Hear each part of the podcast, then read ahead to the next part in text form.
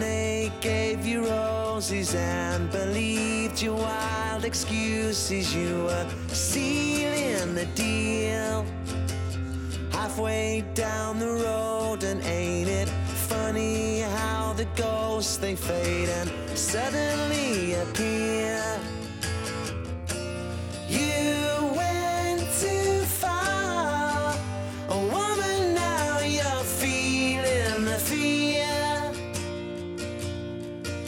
Cause you've never been alone before. Oh. And the wolf is at the door. Oh. Now it's better if you hold your breath and don't look down at the pages of your paper crown.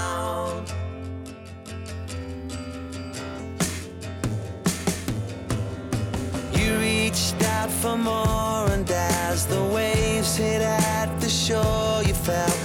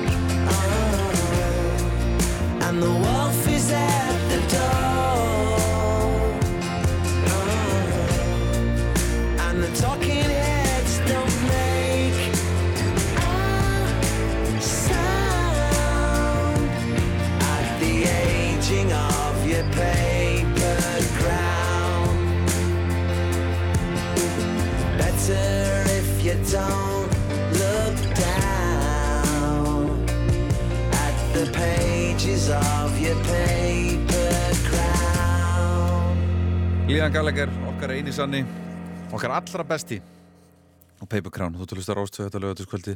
Gestur minn í kvöld, leikstörun og handritsöfundirinn Kristoffer Degnus, velkomin. Takk fyrir. Þú vildi byrja á þessum, Já, á yngri bróðunum. ég vildi byrja á yngri prófunu. Ég var að hérna, nefnilega sko, hérna, þegar að Britpopið var upp á sitt besta og, og, þá hlustaði ég mikið að blör og fór alveg í lið með þeim sko. Og þá náttúrulega mátti maður ekki fíla Oasis. Við hefðum verið óvinni sko. Já, já, ég veit það og ég eignaðist nokkur óvinni þarna á tímbili en, en hérna, nú er ég búin að þroskast og, og Liam líka Já. Og ég er búin að átta með það að þetta er alveg topp náingi og hérna þessi nýja plati er frábær og ég horfa á allt sem hann gerir á YouTube og þetta er bara algjör öðlungur og þannig að hérna ég eh, fíla hann núna alveg í bótt sko. Þú finnir sko að því ég fór í hináttina sko. Já, Ég var e- bara, blur fannst mér bara algjörlega fyrir neðan allar hellur já, og Oasis voru mínu menn, já, sapnaði hárinu og allt. já ok, Nefn að ég er ljósæru, þannig að ég leit bara út eins og híman. Íslenskur Oasis Já. Og svo setna mér tók ég blur í sátt sko. já, ok, og bara, "Ah, ok, og hérna mér finnst sko fleiri blurplötur eldast betur heldur en Oasis-plötuna já, já, og ég meina líka Damon er flottur af því að hann er svo mikill eh, hérna, listamæður, sko, Já. hann ferir svo margar áttir Já. og prófa svo margt og svona. Liam og, og, og bræðin, gallega bræðinir eru bara rockarar, það er bara það, Já, er já. það sko, er eru góður í því? Já, það er bara eitt gýr á þeim líka. Ætt gera þeim, en þeir eru finnir, Já. en þetta er gott lag og þetta er fín blata hjá honum, ég er Já, samanlegaður mjög góð Herðu, 20 spurningar, Já. 20 lög yes. Ertu músiknörd? ekki svona nörd eins og kannski þú og þínu kollegar, alls ekki sko, en, en ég, hérna, ég, ég pæli alveg mikið í tónlist en ég nenni ekki að pæla í tónlist, ég er mér fljótra átt að með á því að það er eitthvað, einhver, einhver stefna sem ég fíla ekki, eins og dæmis uh, SoundCloud-rapparar, Já, ég bara fatta ekki fatta ekki þann, þá tónlist neitt, sko, þannig ég reyni ekki eins og að kynna mér hana betur, nei, nei, ég átti mér hratt á því En hún er heldur ekki gerð fyrir þig sko. Nei, hvað, áttu við, ekki fyrir 49 ára kallmenn á Íslandi. Nei, ég veit það, en ég veist, maður er alltaf opið fyrir öllu, sko, og Já. tjekkar á lutum og, og, og hérna, þú veist, uh, en ég, ég, ég, því eldri sem ég verð, því, því fljótur er ég áttum að því hvort að ég sé fylgda, hvort ég hefði tíma eða ekki, uh, en, en þegar ég var yngri þá var ég opið fyrir mjög möklu, en svo sér kannski á svona lista. Já, hann er hreyfing, út um allt sko. Hann, er, hann, er, hann er breiður sko. Uh, sem er gott sko. já, Það er allir fjandinn hérna. En svona, ef við förum í æskuna á svona fyrsta lagi já. sem mannst eftir að hafa svona gripið og hlusta mikið á. Já, þá ég fekk sem sagt uh, kastþæki í hérna fermingagjöf og eina spólu með og það var Queen's Greatest Hits Já, Eitt eða tvö?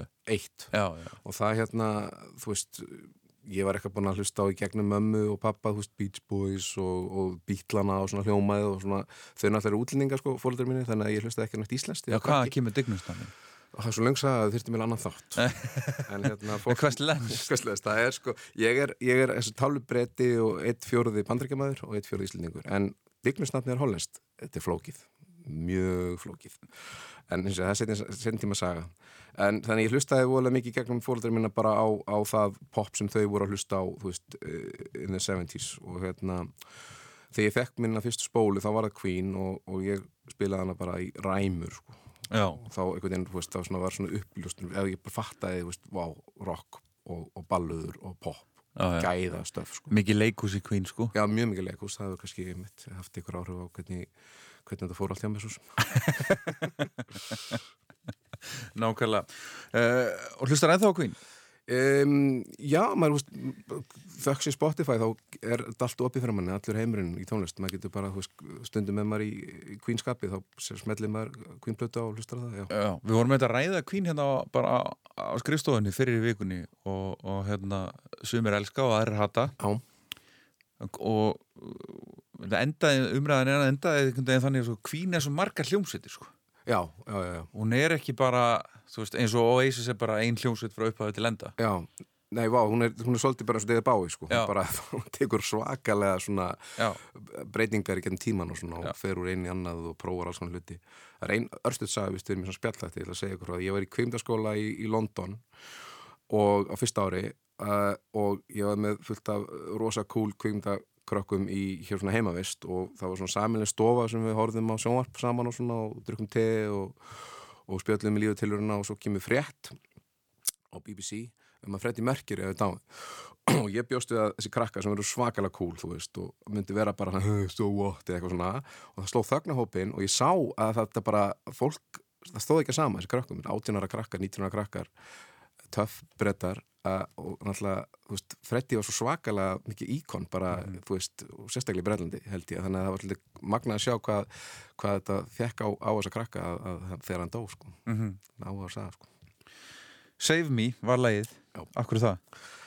það er bara leikúsið, dramatíkin Teater started off so well. Said we made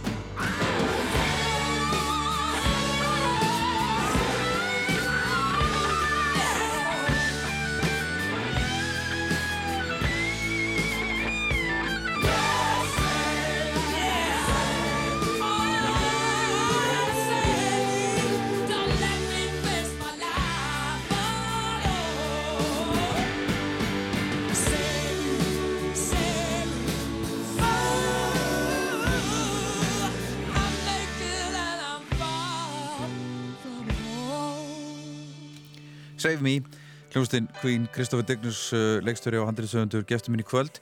Uh, fyrir þá sem að, uh, svona, já, ég, lesi þetta nafn svona mjög ofalega í kreddlistum. Hvað hva hefur þú gert? Uh, ég hef gert svolítið svona ímislegt náttúrulega, ég er kannski mest baseraður í, í svona grín eh, tengdu efni Já. og, og, og svo les ég kannski svona stærsta sem ég hef gert sem að kannski svona vakti hvað mestar lukku var hérna fólki í blokkinni serían.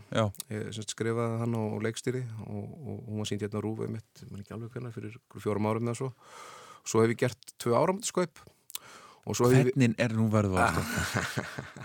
Skoipin maður, skoipin Ég var heppin, ég var mikið eðvegt teimi með mér. Ég var, ég var, ég, ég var sá leikstur sem gerir tvö velhefni skoip þannig að ég slapp við, við hérna djöfaf og, og fleira sko. þannig að ég gerði hérna 2013 skoip með hérna svona samblanda bakkalúti og Ara Eldjátn og öðru Já, góðu var það fólki. með IKEA og, og, IKEA, og, já. og hérna, hvað hva var það hérna, Kanadamsketsin, Kanadamennindi voru að koma Nei, nei, það er annað Það er er já, drekasvæði, það er já. Já, já, sketserið sem ég já. gerði líka Nei, nei, svo hérna svo gerði ég líka 2015 þá var ég svolítið svona, það var svona, kallaði það Steinda Junior skaupi Já, og hérna þannig að ég var heppin með það trikki er að velja bara rosa gott fólk í kringu sem maður er að gera sköpi og svona fela sér bak við það, það þá ertu góður en pressan já, Að skaupi? gera sköpi, já. Já. ég veit að sko, kona mín sagði mig þegar, að, þegar ég fekk svo flugið höfuð, að hann langaði að prófa að gera árumsköp þá sagði hann, nei, ekki gera það, ekki gera það, please ekki gera það, hún var Nei. svo hrættum að, einmitt að að maður er inn í rústað þarna á samfélagsmiðlum eftir, bara kortur eftir miðnætti og hérna á nýjastag uh, en ég einhvern veginn svona ég veit ekki, ég bara þrjóskast einhvern veginn í gegnum þetta og, og, og var aldrei stressaður nema kannski á gamlás morgun, sá dagur var svolítið lengi líða, ég veit ekki það.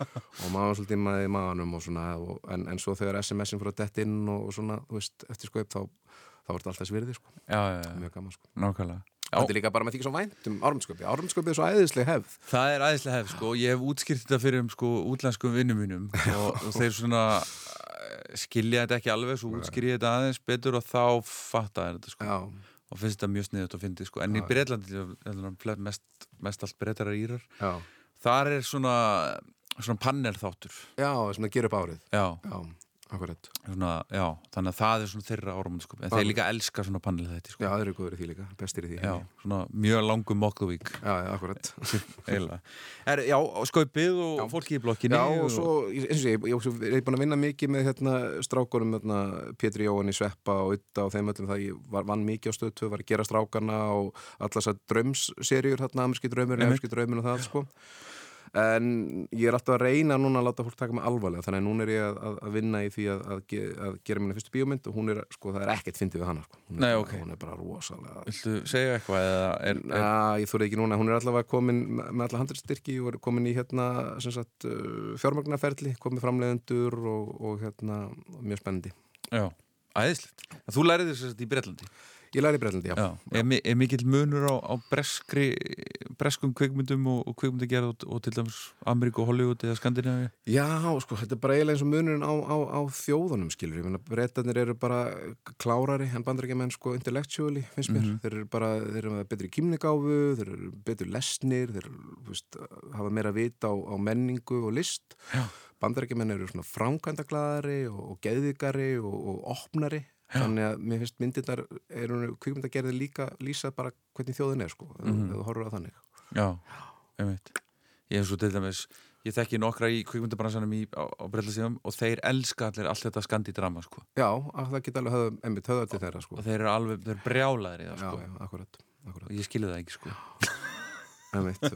Pappi minn, nefnilega, hann er bretti sko, hann er, er prófessor í ennsku bókmæntum og, hérna, Já, já, og hann, hann, hann er mjög velur, hann, hann vanda sig við hvað hann nennir að horfa á. hann, hann horfði á ófærð Já, og fannst það mjög gott. Og hann fannst það sérstaklega gott af því að aðaleikarni ófærð, Ólaður Darri var hérna veslistjóri í, í brúðköpunum mínu sem hann var stattur í hann pappi minn, þannig að hann var stærlega magna þessu veslistjóran brúðköp svona síns í aðaldurkinni ófærð. Já, nákvæmlega. Herra, aftur í músíkina, fyrstu tónleikandir Já, það, ég mann svo rosalega vel eftir ég, ég elsti við hlýðunum og svo heppin að hafa tónabæ bara í- steinsnar frá heimilinu mínu þannig að ég fór mikið í tónabæ um og það. Var mikið gróska þar í tónabæ það var alltaf bæði, bæði í tónleikahaldi og líka í, frístælkeppnina voru á fullu þarna sko og þannig að það var svakalega mikil unglingamenning inn í tónabæ. Mhm. og Ég náði endan á þessu. Já, það, ok, já, flottir það, það, það er ekki smikið í dag finnst mér, það vantar svolítið þetta en þarna akkurat var þarna 1980 og eitthvað, 6-7 og það var bara svaka mikið í gangi fyrir unglinga. Ég er með kenningu um uh, sem sagt, uh, einmitt að það vantar svona. Uh, þessar félagsmiðstöðar, tónabær og, og, og fleiri vitin í hafnafyrði og svona, voru öll með sér húsnæði Já. síðan var þetta allt saman fært inn í skólana Já. mjög mikið, Já. ekki alveg Já, en þegar þú ert úlingur í 8. 9. 10. bekk Já. og þú kemur heim úr skólanum hvað er það síðasta? fara aftur upp í skóla upp í skóla? Það er mjög góð punktur, þetta er alveg pottið stór hluti eða akkur þetta er ekki, af því þetta var sko þeirra eigi húsnæði, Já. tónabæri var bara húsið Já, þeirra skil, og okkar þegar við Já. vorum krakkar en þetta tónleikatin sem ég fór á þar, það var hérna það var með hljóðstinni Drísill, ég var um að spáði hvað þú ættir þetta, eh, Já, Rúf já, ætti þetta til að safna. Left, right, Já, maður. þetta var sem eiki haugs upp á sitt sko, Þetta er agalegt lag, sko. Já. en, en hérna, sko, krafturinn í a- a- eika og, og strákunum í, í drísli það bara, þú veist, maður var bara vá, hvað þetta er cool maður. Og þeir voru svo harðir að Já. nefna sviði, sko. Já Ekki hefur ekki farið í kleipingu síðan. Nei, eiginlega ekki. Nei, drísill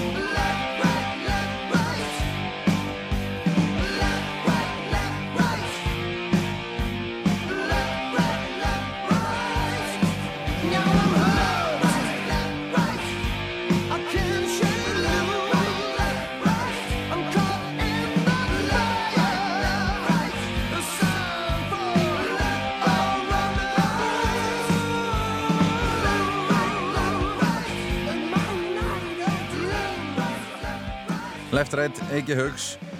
Hann, sko, Eiki er náttúrulega stórkostlegu rocksöngari Já, hann er það.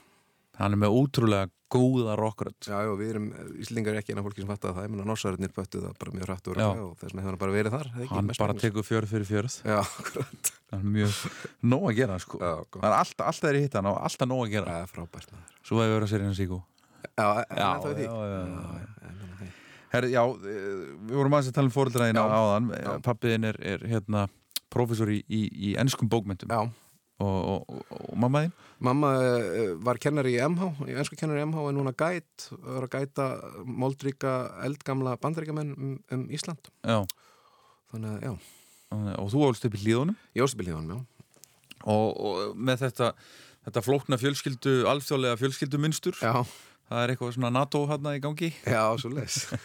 Sko, saminuð þjóðan já, við sko, uh, pappi og mamma skilja þegar ég er tveggjara og, og mamma kemur með mig hingað heim og það sem fóröldar hennar voru að kenna MH. já, og uh, pappi er áfram í Edinborg og semst, er, er lærið í Edinborgar háskóla og fór svo að kenna í Edinborgar háskóla. Það er stattur það sem den þá já, þannig ég var bara dölur að heimsækja það en hérna já, þannig, þannig var þetta fjölskyldu munstur á mér sko. ég bara ólst upp með einstæri móður í, í kjallarípu í liðunum sko. já, já, já, já. þannig að e, e, lítur á þig sem, ertu, ertu Íslendingur sem ólst upp í hlíðunum, ertu Já. bara hlý, hlíðastrákur Já, þetta er voða rugglingslegt sko. ég, ég stundum mér að reyna að plassera mig hvað, hvað ég er ég, úst, Eða ég er mest, Nei, ég er mest íslendingur ætla bara að búa hérna allir minna æfi en, en er með mjög stert tengsl sérstaklega til Breitlands og aðeins til bandaríkjana þannig ég er svona, svona smá koktel sem er já, finnst mér nákvæmlega þannig að fyrir þig að heim er svona dólti hlíðarnar Já, það er svona, ég meina, ég er valsari en þá og þótt ég sé búin að búi, búi hérna fyrir tíu ár, úst, ég bara breytir ekki um, um félagslega sko. nei, nei, og hérna, já, mér líður alltaf að því að ferðan í gegnum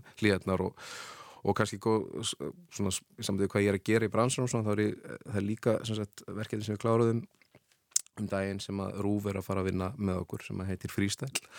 Freestyle er uh, leikinn serja 8 þáttar serja sem gerist 1986 í hlýðunum já, Já, og þetta er líka búin að fá styrfra kveimundasjóð og, og þannig að þetta fyrir tökur næsta ári 2019, Reyn Já. Lingdal er leikstjóri og þetta er byggt svona lauslega á mínum minningum sem að vera, vera hérna 16 ára krakki í hlíðunum og vera að fara upp í tónabæi að sjá frístastelpunum dansa og, og, og allt rugli sem var í gangi.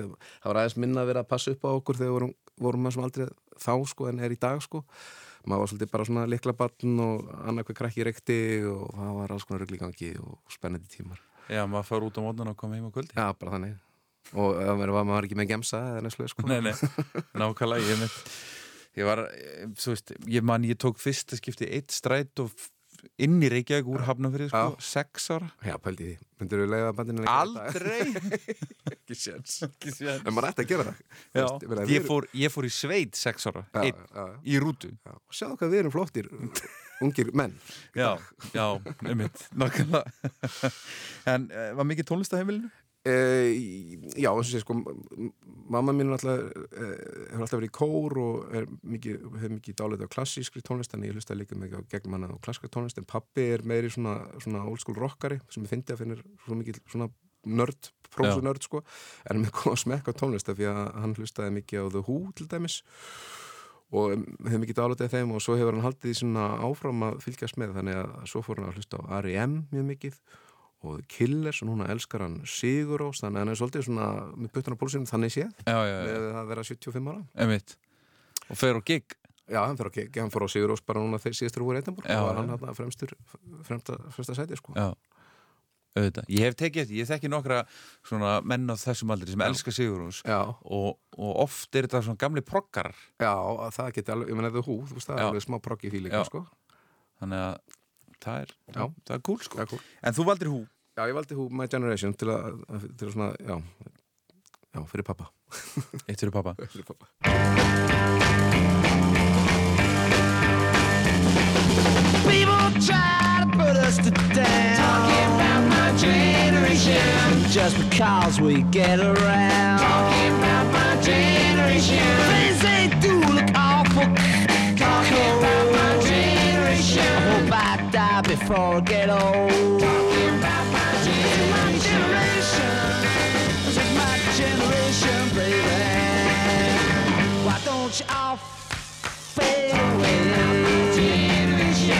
Try to dig what we all say. I'm not trying to cause a big sensation. I'm just talking about my generation.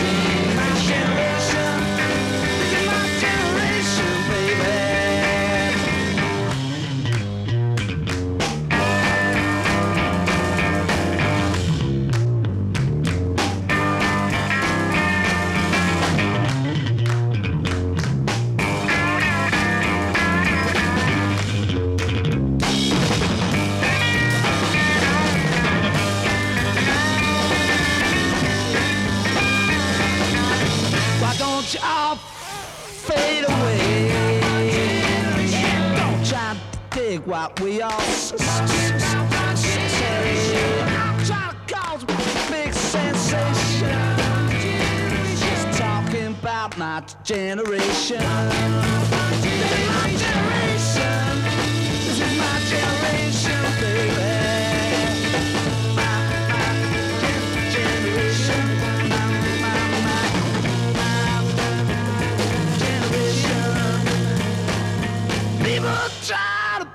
Talking about my generation. Just because we c- c- c- get around. My generation. Things they do look awful c- c- cold. My generation. I hope I die before I get old.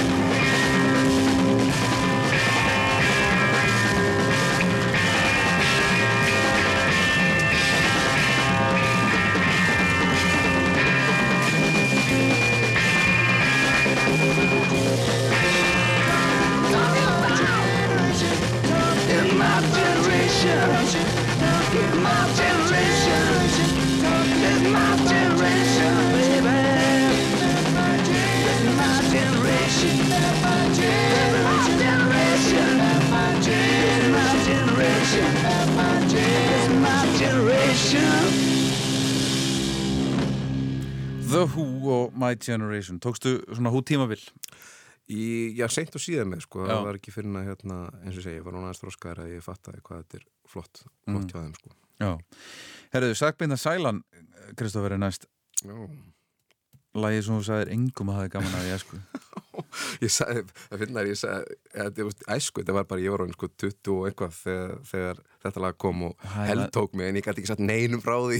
Þetta var svo rosalega vandalega að, að þetta væri upp á slæðið mitt í, í dágóðan tíma. Ég þóri ekki sem að segja konum en bara fyrir nokkur mánu síðan hún hlóf sem allas sko. Já, það ekki? Þetta, ég heyrði þetta allt í einhver útvarp einhverju lettbylgjan eða eitthvað og ég bara, hei, þetta var eins og upp á slæðið mitt. Og hún bara grenja á hlátur sko. Af hverju þetta lag? Ég veit það ekki maður, ég bara ég, ég er að reyna að muna það sko. Veist, það, er, það er eitthvað í sambandið bara grúfið í þessu lægi, það er eitthvað sem að höfða til mín, það er bara svona vatvill er þetta grúfið í lama, en svo er þetta náttúrulega bara einhverjar táningsstelpur að syngja um kærastansinn og, og, og var svo ekkit úr sem listamönnum sko. Nei, og ég, ég veit, ég veist um nokkuð maður veit hver þetta er sko. Brandi Já, fyrir þú veist það náttúrulega. The Boy Is Mine. The boy is mine, the boy is mine, the boy is mine, the boy is mine, the boy is mine.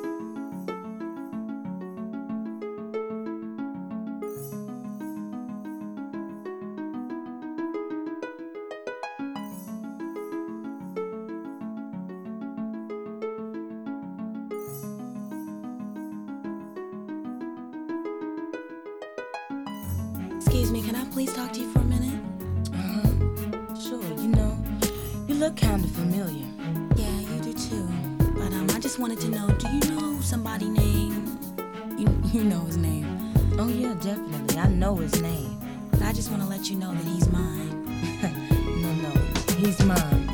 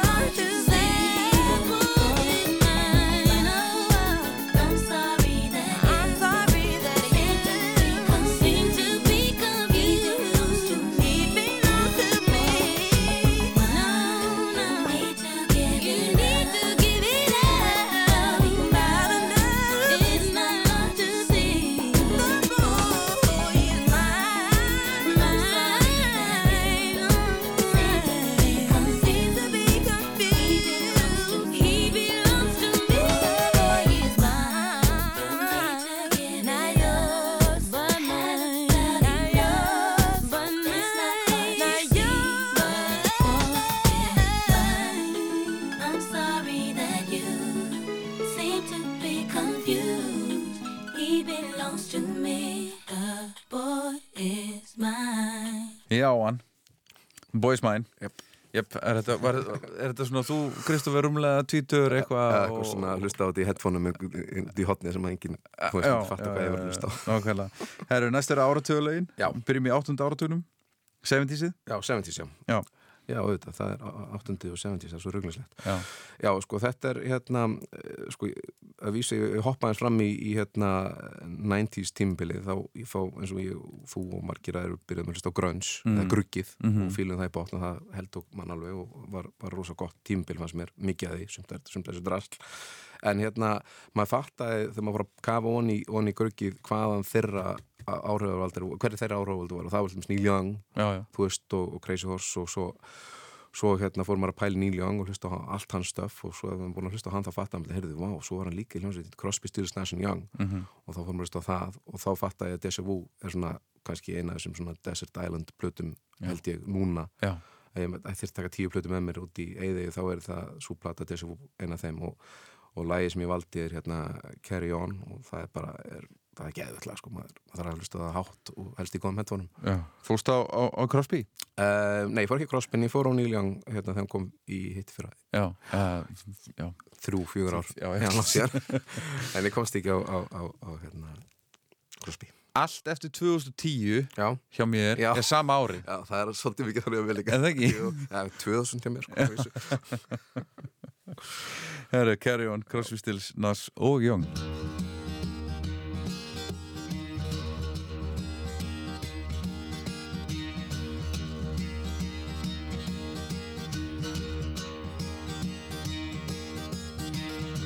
One morning I woke up and I knew you were gone. A new day, a new way, and new eyes along. Go your way, I'll go mine. Get gone.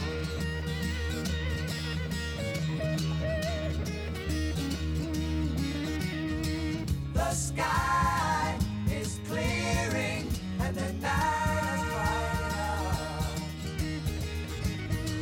The sun,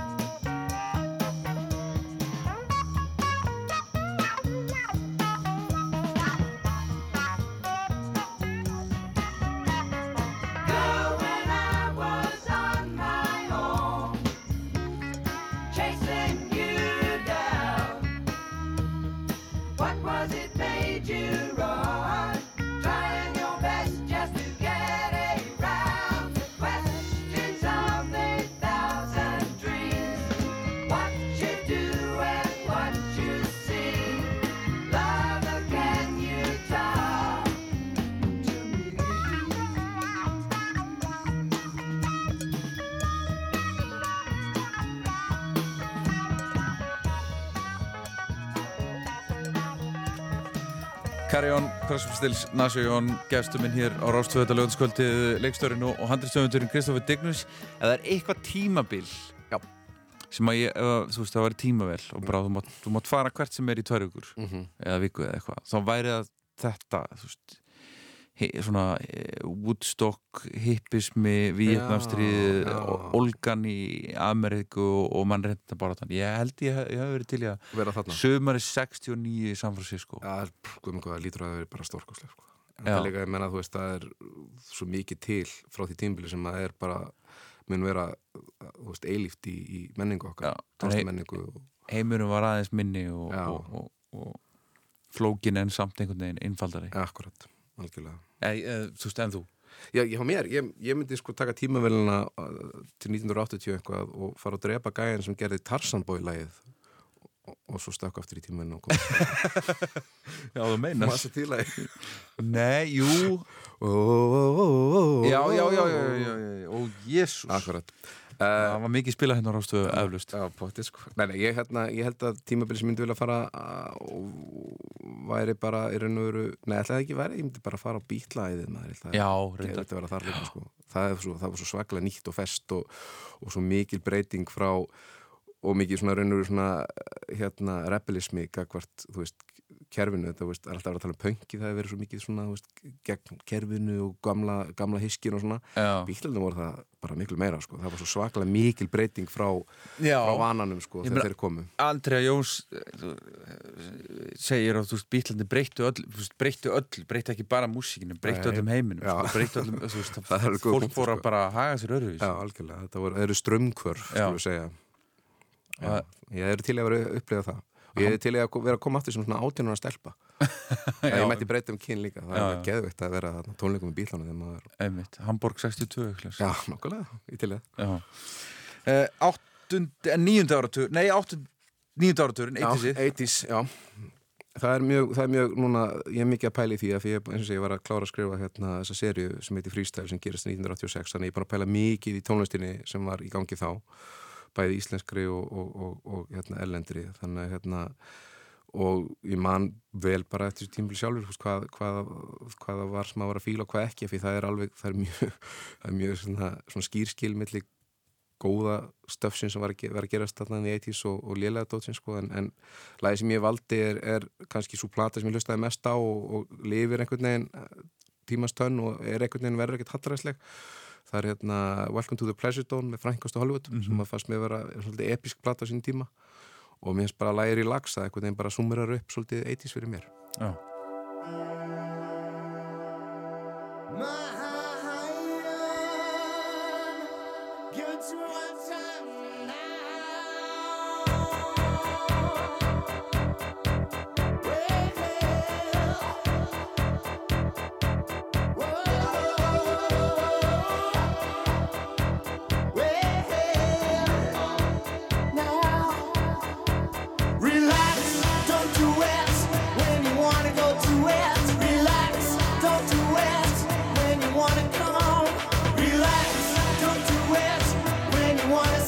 nowhere.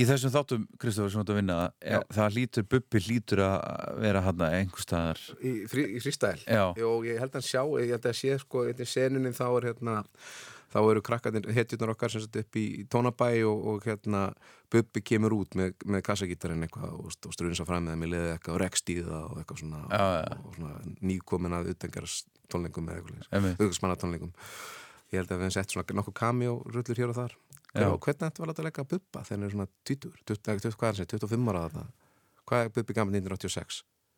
uh, Þrítugur? Já, 30 Já, ekki? Jú, hann er á svona uh, hann er að byrja ekko tímubili kannski. Já. hver á að hann? Nei, ego er fyrr, sko. Ekko er fyrir, já, Já. Þetta er bara kona, sko. Sturla Atlas, er hann ekki alltaf í öll? Jú, einmitt. Jú. Það er sennilega hann, sko. Já, Hann er bara Hann þarf að fara í rektina þá. Já þannig að hann sem hann sem Já. Þess að hugsa, þetta, þetta, er- já, hlustendur sendu okkur. Endilega komið tilhugur að, að leikari til að leika Bubba 30 Já, nákvæmlega. Uh, Eða bara Bubba sjálfan, hann alltaf er bara í formalinu Já, hann er fór skallið, ég veit, hann getur, hann getur púlað það sko. Sitja hann hárkollu og bara málið dætt já, eiginlega sko. Um, Tíundu áratúrin Já, ég er mjög ófrumlegur í, í lagamæli Nei, þetta er mjög gott Já, þetta sko er gott lag, en ég menn, þetta er eitthvað svo, veist, þetta er svona go-to lag svolítið fyrir, fyrir þetta tímbelinni, en það var bókstala, ég var, var statur í Toronto, heimsækja vinn minn uh, og kollega Martin Esti Þórsson sem er leikstur í dag, hann var í kvimdaskóla í Toronto, ég fór að hitta hann og, og félagans og fullt af geðvik kúl grönnslegum kanadamennum sem ég var svona mistöff personlega sko. Að ég var að koma úr kvimdaskólanum mínum í London sem hefast allir mjög kúl þar, þar var svona meira svona reifstemning og svona voru meira þar. En þeir voru að spila þessa plötu hérna að live með Pearl Jam. Og, og hérna eftir tótti marga bjóra þá fór ég virkilega að fíla þetta band og hef gert það síðan sko.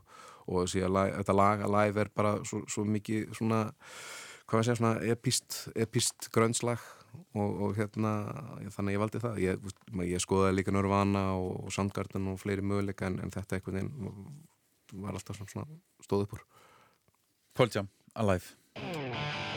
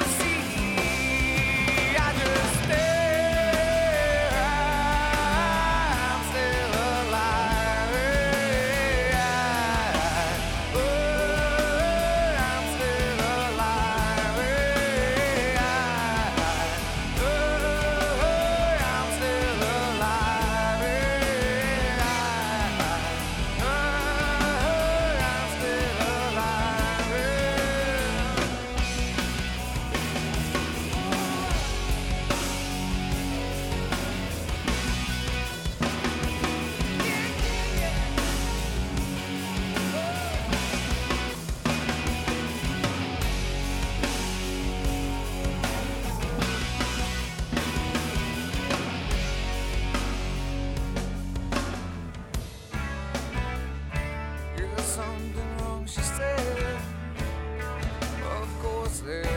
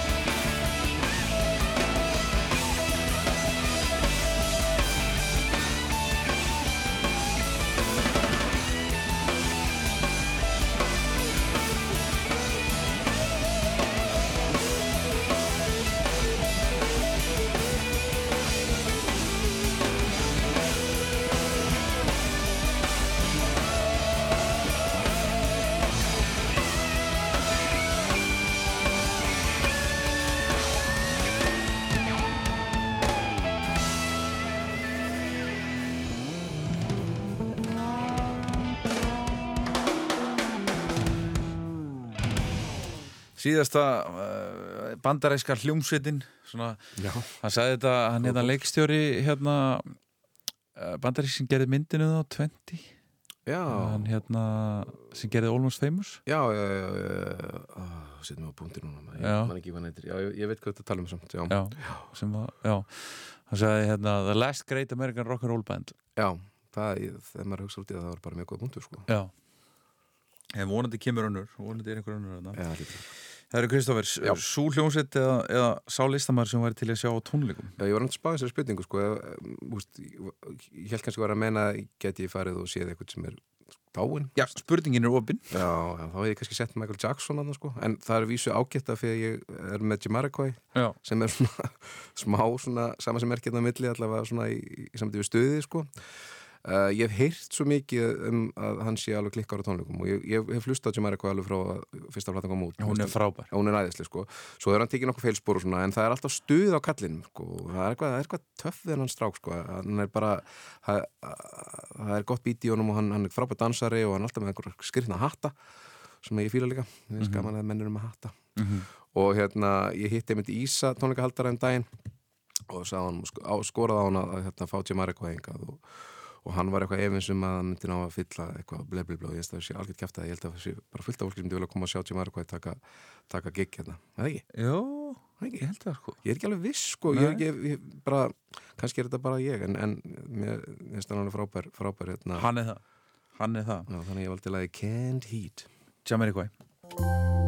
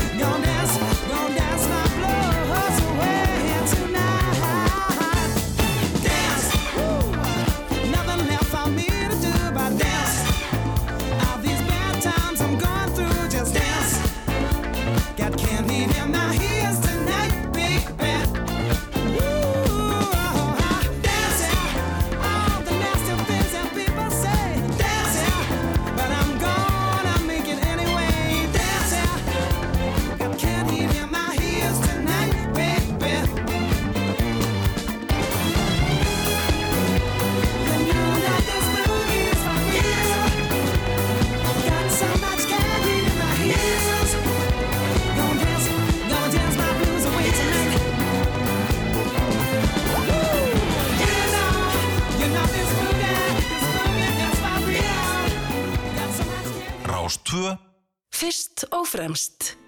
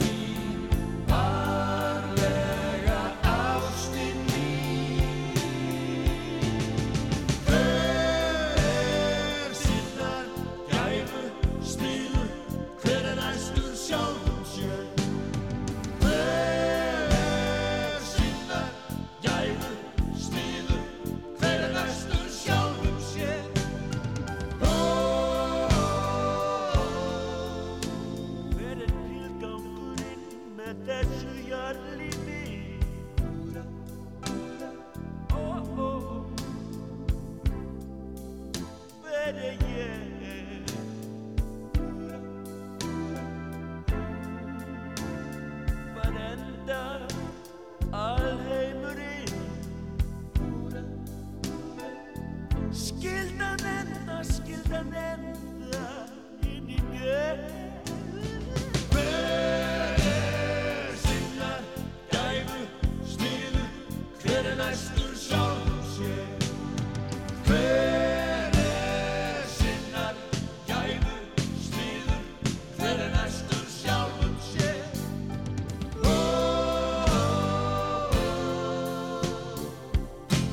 Stöðmenn og reykingar. Ég, hérna, ta Takk fyrir að hérna, minna með á þetta lag. Ja, þetta er þetta er algjör gullmóli sko. Ég er nefnilega búin að vera ásmá svona stöðmanna tímabili. Já, að svona skoða þessar plötur aftur. Við hérna Svafa Pétur Prins Pólo og hann var bendi mér á, á gamla plötu sem ég yrði að hlusta á Já, ok. og, sem og ég gerði og eftir það er búin að svona eins og maður gerir. Og Já. þetta er alltaf stórkostlega hljómsveit. En ja, mér langaði svo að spyrja leikstjórna því við vorum að tala um hérna, með alltaf hreinu á Já. uh, það er svo augljóst þegar maður horfir á þessu mynd að það var óskup lítið búið að ákveða.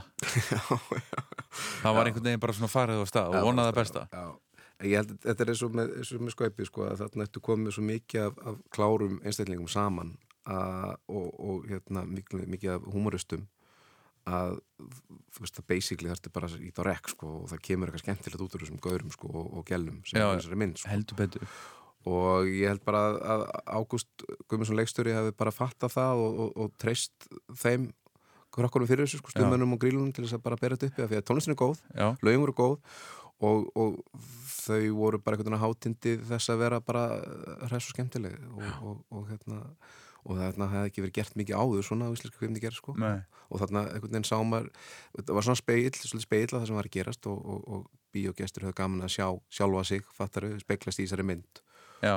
Þannig að hérna, þess vegna bara gekk hún upp og er, er frábær og bara frábær heimild líka. A- heldur betur. Og, hérna, það, bara það vantar meira svona, sko, svona Já, það er synd að þessi ekki gert meira svona meira svona, hvað við segja, svona aðeins léttari, í léttari kantinum, svona söng og og, og, íslenskt sko, Íslenskur söngudans, Já. það er kannski næsta, næsta mynd sko, getur verið. það kemur. Herru, næst ákvæðið að spyrja um brúkuslægið lægið sem hann spilaði í brúkupinu Já, það var nú samilega ákvörðun mín og konur minnar, Maríu Heppu, að hérna við erum að hafa eitthvað af plötinni Boatman's Call með Nick Cave, sem var mikil uppásplatt okkar þegar við vorum Þetta er rosalega mikil hjónablata Já, hún er svo, hann er líka, hann er svo romantísku menn Já. ekki hann, hann er alveg að springa á romantík og, og hann einhvern veginn talaði til okkar með þessum lögum og, og náttúrulega eitt lag þarna sem er einhvern veginn fullkomið í þetta að, að þegar maður er að taka móti brúðu sinni að, að hún comes into my arms. Og Já, já. þannig að, að við giftum okkur í lítileg sveitakirkju í Viki Mýrdal, hún er ættið þaðan. Og, og Rödd Rúf, hún Hansa söng þetta lag fyrir okkur í Já, kirkjunni, vá. hún er vinkon okkar. Og hún söng þetta svo ótrúlega vel að hérna að hérna það var ekki, það var ekki hérna, þurr vangi inn í kirkjunni. Nei, og þetta lag er bara frábært og, og, og, og romantist næsta danskrá,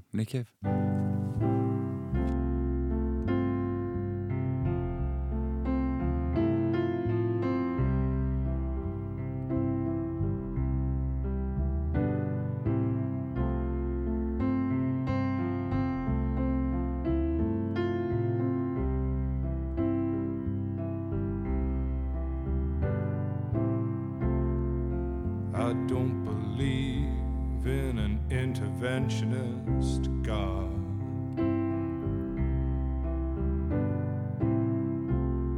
But I know, darling, that you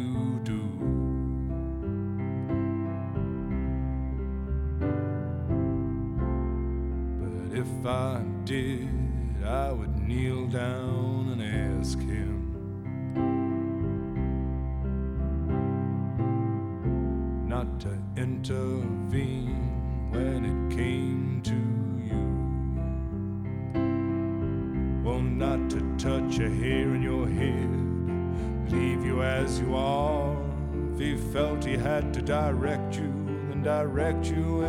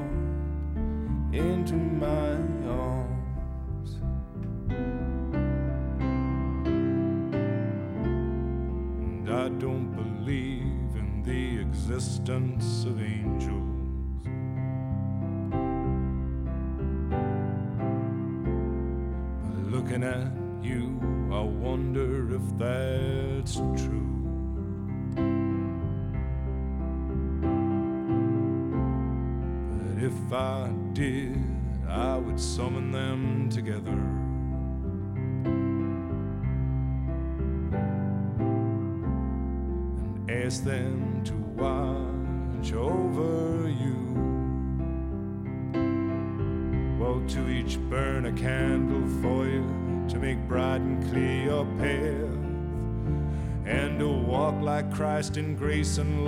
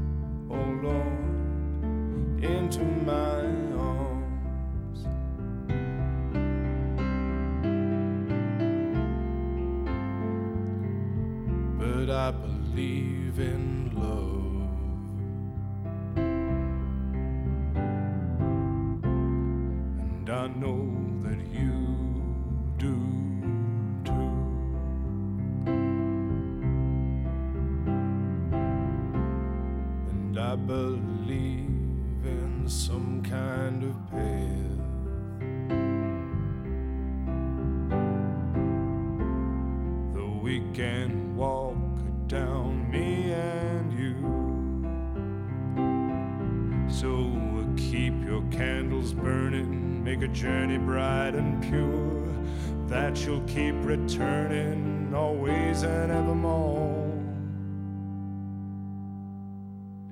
Into my arms, O oh Lord, into my arms, oh Lord, into my arms, oh Lord, into my arms. Nick Cave Into My Arms. Svalasti maður í heimi? Svarist maður að Cave er bara pottit einn af svona nokkrum aðna efst uppi, hann lítur að vera. En það ekki? Jó, hann sko, hann er ótrúlegur sko. Já. Ég fór á tónleikana hérna í höllinni ykkur tíma, hann er komin Já. Þetta voru svona, svona sítindi tónleikar og hann var flílinn bara og, og svo flott þegar hann var að hérna, kallaði svona í sali, já, já, komið með óskalöðu og það var einhver að, ég man ekki hvaða lag það var einhver alltaf að kalla það og hann sagði bara alltaf fucking no way, fucking no way. Og svona og bara sagði alltaf, alltaf nei við þennan gæja. Og svo held ég hann að tekja það sem lokalagi bara, bara til að gleiða hann eina, náungat út í sal. Já. En hann var bara eitthvað svo, það var svo gott samtal hann hætti svo gott samtal við heilan heila höll skilju og hann var einhvern veginn bara vinur okkar allra Já. og svo, en, samt svo svalur. samt svo svalur, Já. það er svo, er sko eiginleiki sko. sem bara, þið er ekki róðið mig. Nei, en ég er samt til að vera vinur ykkar Það er íslenska lagið? Uh, já, íslenska- svinslega leðileg spurning. Já, það er svo mörg náttúrulega, ég, ég var hérna, þetta er náttúrulega sko svo spurning sem kemur eftir brúkups lagaspurningunni þannig að ég var ennþá í róm, á rómdísku nótunum og ég og kona minn fórum til Capri í brúkupsferð og hérna ég, Hvað er það? Capri er lítil eiga bara út frá Napoli Já, já, rosalega fallið lítil eiga og hérna þegar ég var tölvöld yngri þá gerði ég skrifaði sjónvarsmynd fyrir Rúf sem hétt hérna úr Öskun í eldin sem að Óskar Jónasson leikstýri þar sem að var fjallaði um hérna Gautusópara og, og hérna ævindir sem hann lendir í sem Ólaðari leik sem ungu maður. Og eh, þessi Gautusópari var með svo vendarengil sem var Hauku Mortens eða Andi Hauks Mortens. Sem að hann leik hann hérna frettamæður á, á, á hérna stöð 2 Akkurat. Gissur. Gissur. Akkurat, Ég sá þessi mynd. Já, og ég hérna sagt hlustaði alveg geðvitt mikið á Haug Mortens á þessum tímbili og það þekki Haug nokkuð vel og, og hérna fór og hitti ekkjun hans og allt skilur til að fá leifi til að gera þetta svona. þannig að Haugur er svolítið minn maður og minn vissi það og við vorum út á Capri og við sátum út á verund á æðislega hótelun okkar og horfðum yfir flóan á Napoli og sólinn var að setjast og svo allt í henni úr, úr hljóðkerfinu kemur þetta lag sem við þú ert að fara að spila og þá hefði kona mín farið upp í lobby og, og beðið, beðið að spila þetta fyrir okkur hérna, yfir, yfir hljóðkerfið, yfir, yfir hérna, verundina og, Mm. og við dansuðum og við dansuðum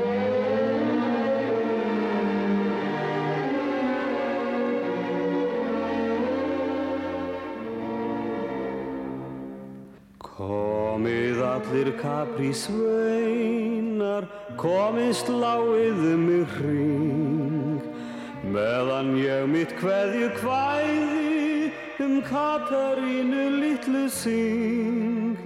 Látið hlæj og grát af gleði, gítara og mandolín.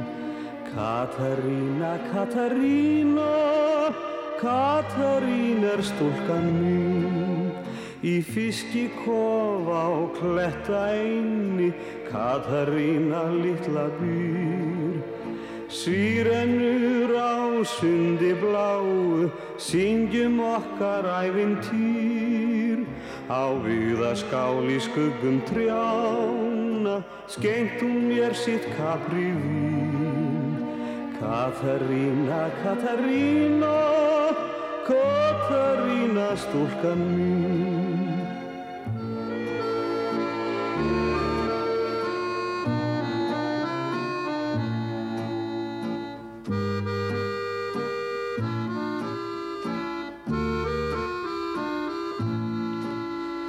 Með kórónu úr kapri blómum Krýnt hún mig hinn fyrsta dag. Af hæsta tindi hamingjunar Horfum við um sólarlag. Þar dansuðum við tarantella Og tegðum lífsins guða vín. Katarína, Katarína, Katarína stúlkan mín. En nú verð ég að kveðja Capri og Katarínu litli dag. Horfa mun ég út til eigjar, einnum næsta sólarlag. Grátið með mér gullnu strengi, ungir gítarar og mandolín og Katarína, Katarína Katarína stúlkan mín.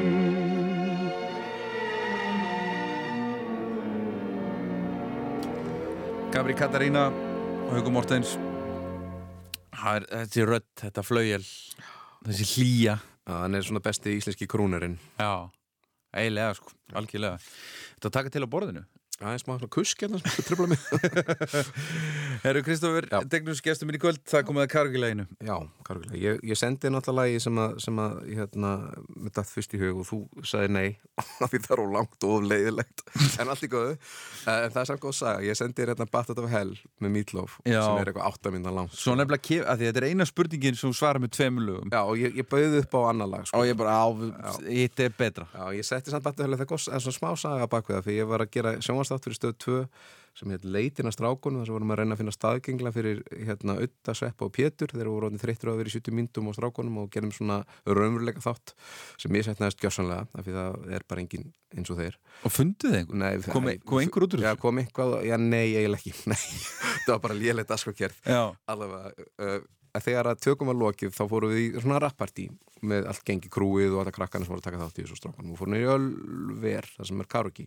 Og það var stemning og stuð og menn voru að fá sér bjór og allir, allir tóku sér hérna, eitt karaoke lag og ég valdi Battle to Hell og hérna sem er sko tíu mínútur Já, byrju, já, ég veit það, ég hugsa ekki í það en það sem er verra var að þarna ég beið sko, ég ætla að koma að gefa hann entrans en ég var með mækin í hendinu og búin að loka mig það er svona gangur hjá sviðinu þannig ég ætla að koma hlaupandi inn á sviði þegar að byrjaði sem ég gerði og allir fögnu hei, vandamálið það er svona tveggja mínuna forspil í læginu og þegar þú ert einn á svona litlu karaoke sviði með mikrofón að býði tvær myndir eftir að geta að fara að syngja eitthvað. Það er, maður veit ekki alveg hvað maður að gera og, og strákanir er nauti og þeir stríða með enn þann dag, dag á þessu sko. Alltaf þegar þetta lag kemur þá það að mér. Já, en ég valdi annar lag sem að ég, ég, ég, ég tek stundum á karaoke og það Já. er hérna Suspicious Minds með Elvis bara því það er svolítið, svolítið erfitt og flókið að taka það þannig að ég er svona áskorun. Ertu með rödd? ég er ágættisöngari, já já, þegar sérstaklega ég er búin að hafa með 2-3 bjóra. Já, þá halda allir líka sér Elvis. Já. Bresli Caught in a trap. I can't walk out because I love you too much, baby. Why can't you see what you're doing to me when you don't believe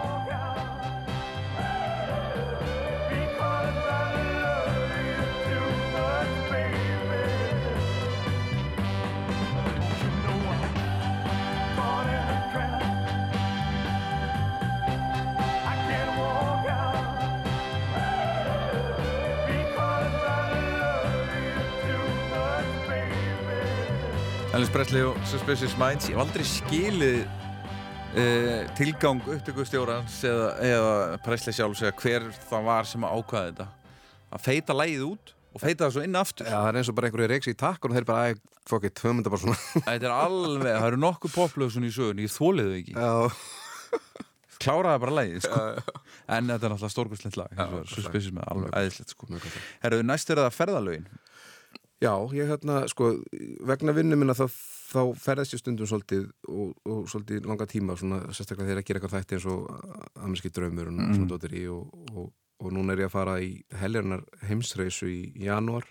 Uh, ég er að gera sjónvarsserju fyrir sjónvars Símans sem heitir uh, Pappi skoðar heiminn. Hann sveppi ætlar að taka 70 föðu sinn í, í heimsreisu af því að pappas hefur ekki farið mikið út fyrir hansi steina hérna á Íslandi. Já, þannig að hann ætlar að taka hann í, í heimsreis og fara, fara bara ringin í kring hnöttir með pappa sinn. Já, og við verðum í mánuði í burtu og þetta er svona ekta svona dæmið sem er hljómar úslega spennandi og skemmtilegt. En svona stundum er svolítið erfitt að, að skilja fjölskyldsinn eftir og þá verður maður væmin upp á hótelherbyggi og sakna þeirra að geða mikið.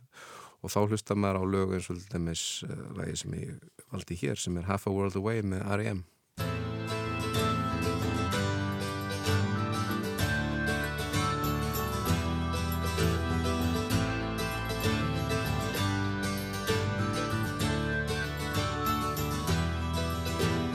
This could be the saddest dusk you've ever seen.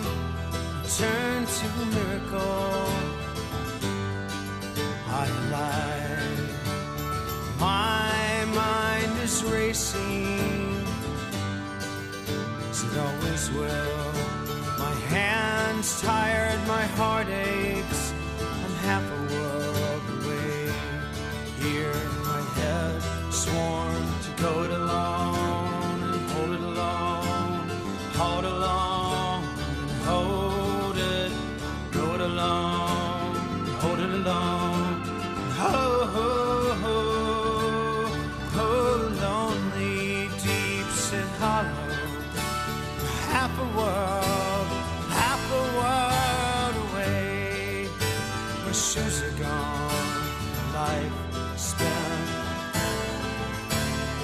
had too much to drink.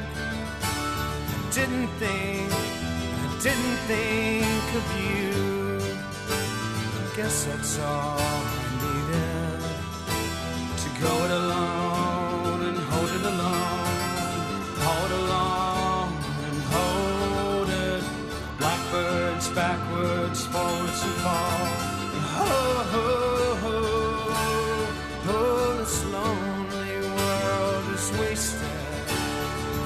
sky.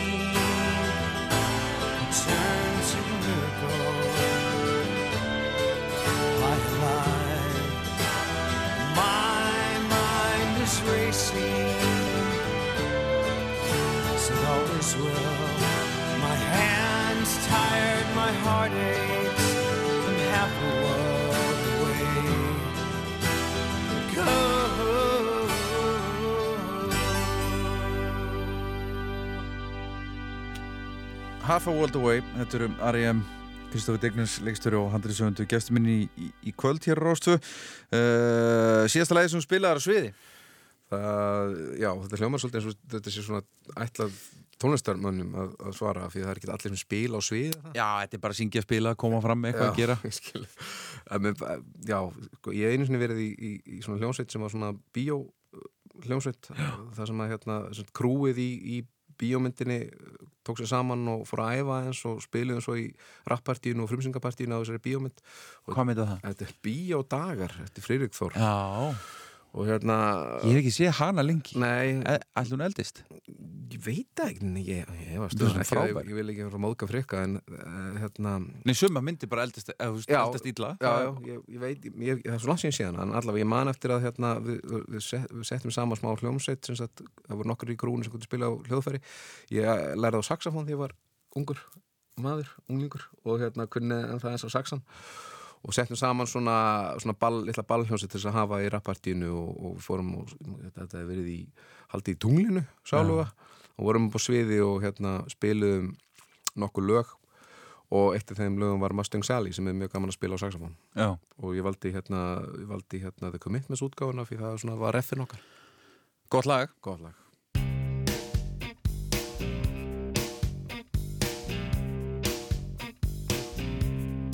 Mustang Sally.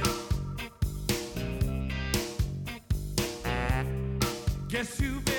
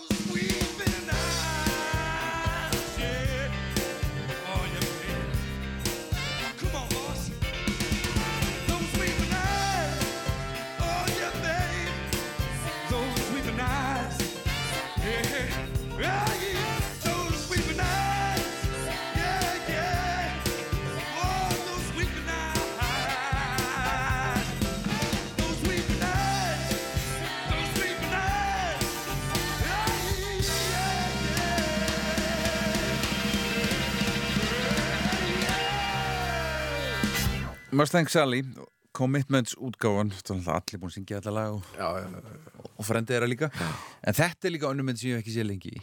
Nei, kom mitt, það er góða punkt, maður þetta að tjekka henni. Já, Það var ótrúlega merkileg mynd en Alan Parker bara veðjaði bara á einhver algjörlega óreinda krakka til að koma og leika sér mynd Já. og, og hérna, það skilaði sér einhvern veginn í einhverju svona, og- svona raunsæðri orgu einhvern veginn, maður, maður, maður, maður keifti þessa karaktera, þú veist, Já. maður trúði á þau og, og, Mhm. og svo náttúrulega urðu þau líka smá hljómsveit eftir þetta og það var smá úr þeim og svona já Herri, síðasta lagi sem þú dildir á, á samfélagsmiðlum Já, ég, ég var ekki svo eini bara, bara brá svo mikið því ég sá þetta Já. að þetta var hérna uh, This is America með Childish Gambino var því músikvídeó var svo stórkostlega gott sko, að maður bara maður var svolítið svona blown away Já. og hérna ég er ekki með góður að deila svona á samfélagsmiðlum uh, svona hlutum, ég, ég nenni því ekki en þarna fannst mér Leikstjóran hlýtur nú að hafa Já. svona verið Já, þetta er doldið vel gert Já, þetta var svolítið mikið vel gert og þess vegna ákvæði ég að slá til og, og hendi eitt post þannig að hérna Hefur leikstýrt tónlistamindböndu? Já,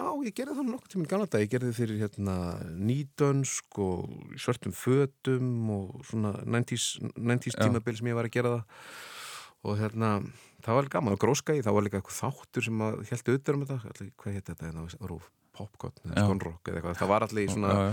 Dóra takki fúsa á með þetta Já, akkurat, og svo var, veist, og svo voru, sko, svona fekk maður velum fyrir besta myndbandi í loka ás og svona, ef það áttu möguleika því. Þannig að það var Og þetta á stöð 2 Já. Besta myndband er uh, Akkurat, akkurat. Jú, þannig ég gerir nokkuð svona tónlist. Það er gaman ekki að tónlistmyndbönd. Það er, það er, það er skemmtilegt format. Uh, hérna, og mjög gott tæki til að æfa sig á líka bara við að segja sögur og, og, og, og, og svona á stuttum tíma sko. mhm Þannig að já, En þetta myndband og, og bóðskapurinn og, og svona höggið sem að uh, þetta, er, þetta er ótrúlegt lag þetta er ótrúlega og sko lægið er mjög gott bara eitt og sér en Já. þegar þú setur það saman með þessu myndbandi þá verður það bara stórkostlega sko. mm Ég hef alveg lesið greina sem að þessi reffi er þetta að því að Já. maður náðu sér ekki alveg öllu Nei, það er líka sildin við að fólk, fólk þarf að lesa leggja aðeins sína eigin svona túlkanir í hluti þannig að þá ertu líka að gera góða hluti sko. Já, Tjaldis Gambino, This is America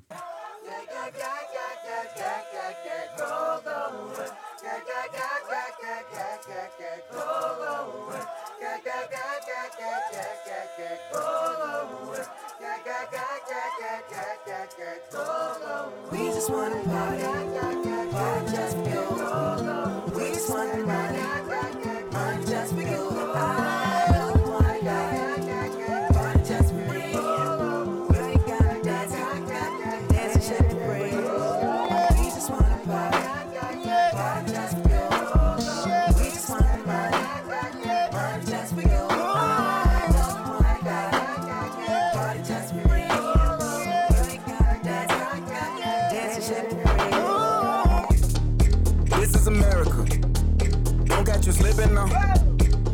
you slipping now.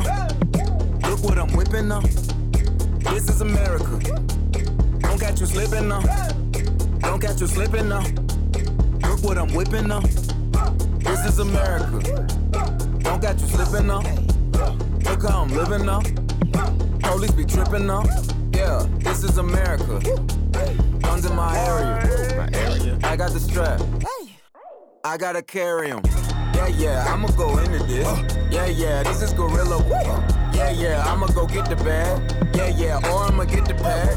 Yeah, yeah, I'm so cold like yeah. Yeah, I'm so dull like yeah. We gon' blow like yeah.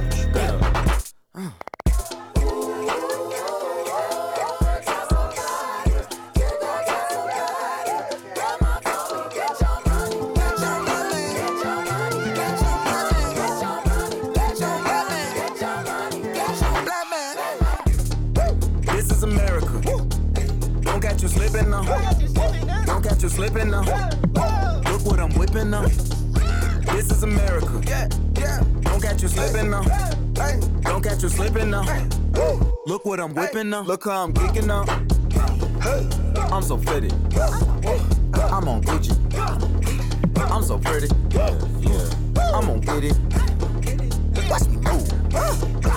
This is Sally. That's a tool. Yeah. On my Kodak.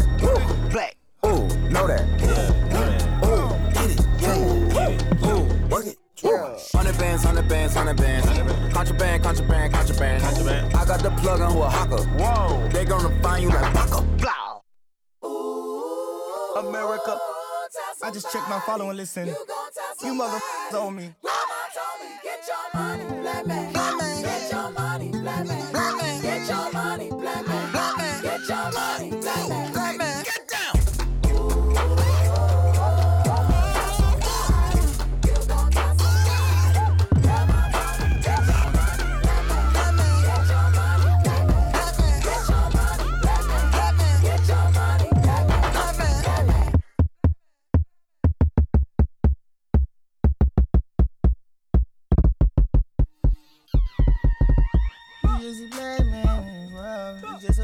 a hole, hey.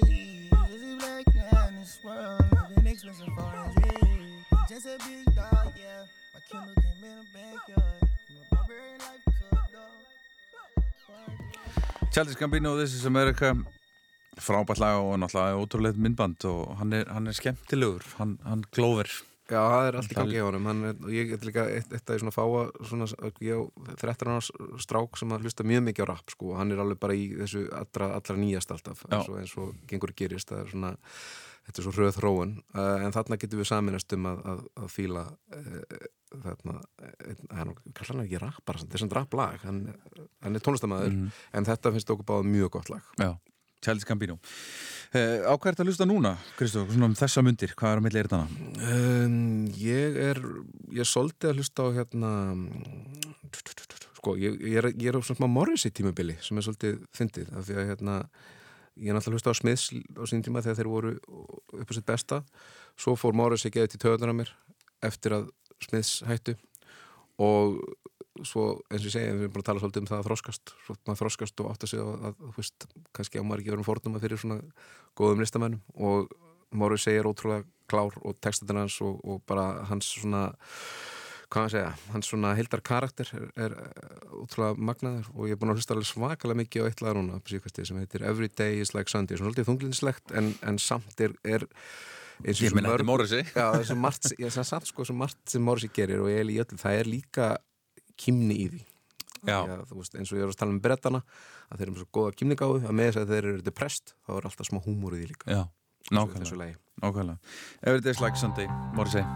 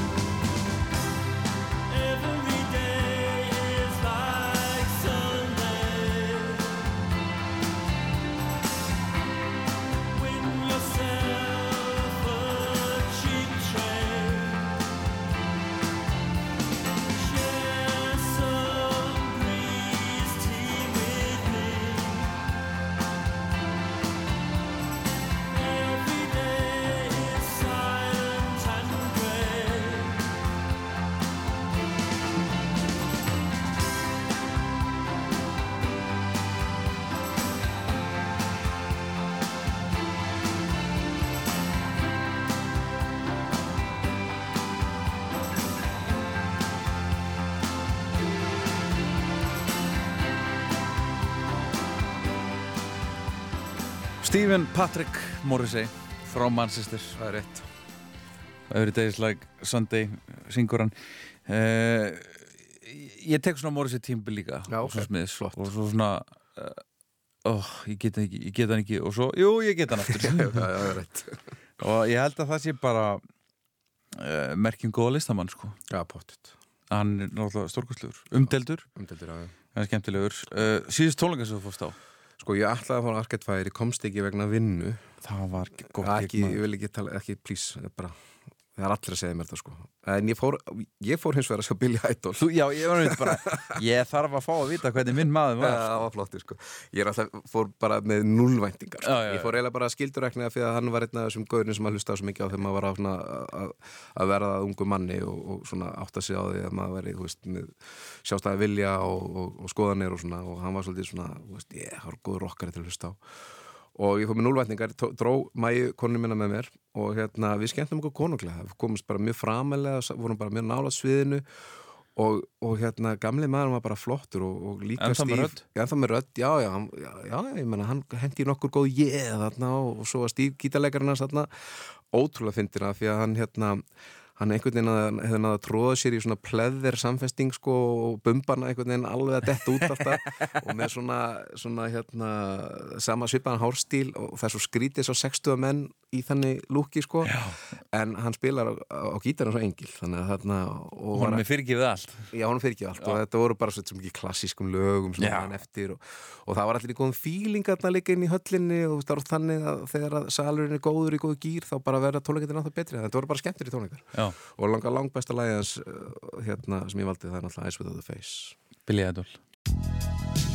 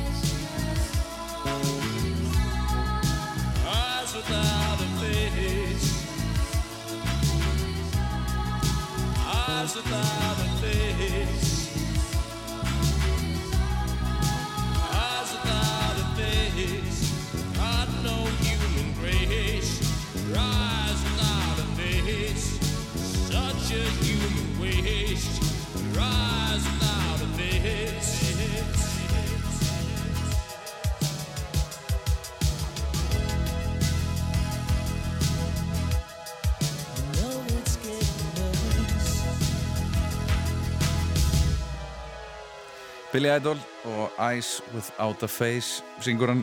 Ég er sammálega, Kristofa, þetta er eiginlega þetta er eiginlega besta lagið hans. Já, þetta er frábært lag. Dancing with myself finnst mér alltaf gott, sko. Já, það er nokkur mjög góð en það er eitthvað þetta lag sem maður mm, fyrir alltaf aftur að hlusta á sko. Það er klapparinn Það er klapparinn í lokin Gerir, gerir lagið, sko.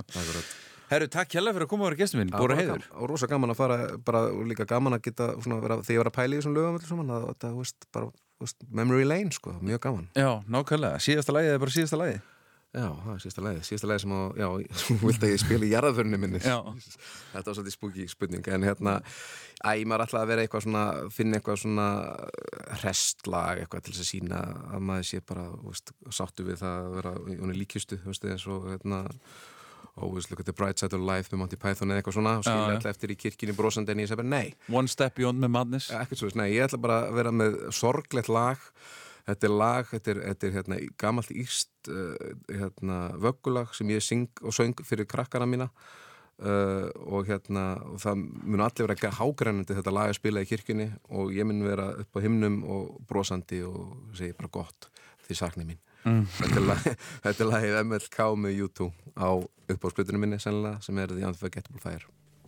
Segir Kristofur Dignus gestum minn í kvöld, takk fyrir komuna. Takk fyrir